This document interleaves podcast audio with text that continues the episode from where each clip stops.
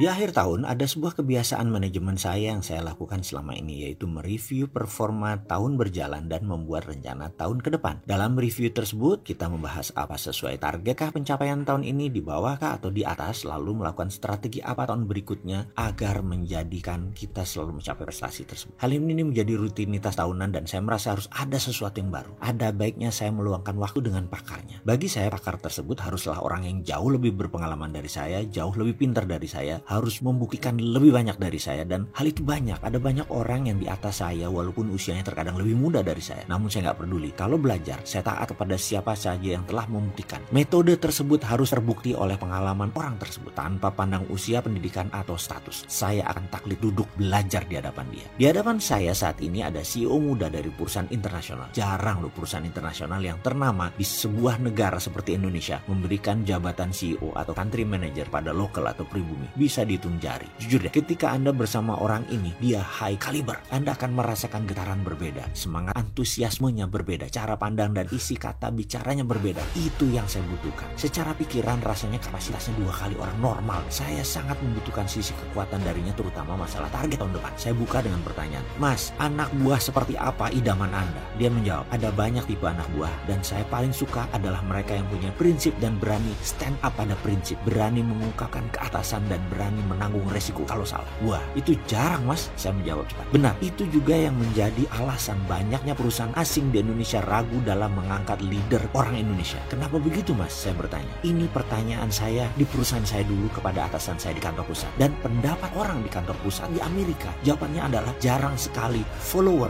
bawahan kita yang berani berpendapat. Kebanyakan yes sir, yes ma'am. Kalaupun berpendapat, informasi yang mereka berikan sangat dangkal. Ini menunjukkan mereka tidak cukup belajar atau tidak mencari data lebih lengkap lagi atau tidak kurius. Kebanyakan mereka profesional sekali lagi tidak kurius. Itu mungkin hanya orang di sekeliling saya. Dia melanjutkan. Menurut saya, curiosity itu penting. Curiosity itu keingintahuan. Curiosity itu membawa kreatifan. Curious itu membawa solusi. Curiosity adalah pergolakan dalam pikiran atas masalah yang terjadi. Masalah dibaca dalam diri seseorang karena peduli. Empati adalah awal problem solver. Jadi rendahnya empati itu rendahnya curiosity. Jadi rendahnya kreativitas dan produktivitas. Kurang empati itu kurang peduli. Kurang peduli itu tidak berkontemplasi dia. Orang yang tidak berkontemplasi itu orang yang tidak ada keingintahuan. Dan ketidakingintahuan tersebut membuat dia jadi tidak kreatif. Inilah yang menjadi penghalang karir seseorang tidak mencapai puncak sebagai leader karena masalah ini dasarnya. Yang jadi masalah lain adalah hal ini bukan hal yang didapat di kuliah atau di bangku sekolah. Hal ini adalah private kemenangan pribadi setiap individu yang ingin maju. Hubungan sama anak buah yang baik jadi apa mas? Saya berusaha mencerna bahasa tinggi yang dia sampaikan. Begini jawab, good doer atau pelaksana pekerjaan yang baik itu belum tentu good follower. Dan good follower pasti good leader. Wah lah saya bingung mas. Saya berusaha mencerna bahan baru lagi ini. Begini deh, saya bicara pakai bahasa Mas Mardibu yang penggemar psikologi terapan. Tahu Rosenthal Effect kan? Ya, saya tahu, saya jawab. Tentang ekspektasi tinggi atau pengharapan tinggi. Saya pun menjawab sambil mengingat pelajaran di kampus dulu tentang dunia kampus psikologi, yaitu Robert Rosenthal yang nyaris hilang dalam pikiran pikiran saya kalau tidak di looping dengan pertanyaan barusan. Apa yang masih ingat tanyanya lagi? Rosenthal membuat studi di tiga kelas yang diajar olehnya. Kata saya memulai cerita yang saya tahu dan mudah-mudahan ini yang dia maksud. Kelas pertama dikatakan di awal semester bahwa mereka orang pilihan. Mereka orang yang telah terseleksi dengan baik. Biasanya prestasi tahun-tahun sebelumnya di kelas pertama ini muridnya akan mendapatkan nilai A. Di kelas satunya Rosenthal mengatakan bahwa kelas ini adalah kelas yang tersisa dari orang-orang yang terbaik. Kelas ini adalah kelas yang rata-rata. Kemudian di kelas terakhir Rosenthal tidak mengatakan apa pun. Padahal ketiga kelas tersebut berisi orang yang sama dipilih secara acak. Pelajaran semesteran berjalan sama ujian pun isinya sama, namun sepanjang semester, hasil di ujung semester bisa diduga kelas pertama semuanya A, kelas kedua rata-rata nilainya, bahkan banyak yang flank atau gagal. Kemudian di kelas yang C lebih parah lagi karena tidak ada kepedulian. Demikian saya menceritakan ulang sedikit tentang Rosenthal.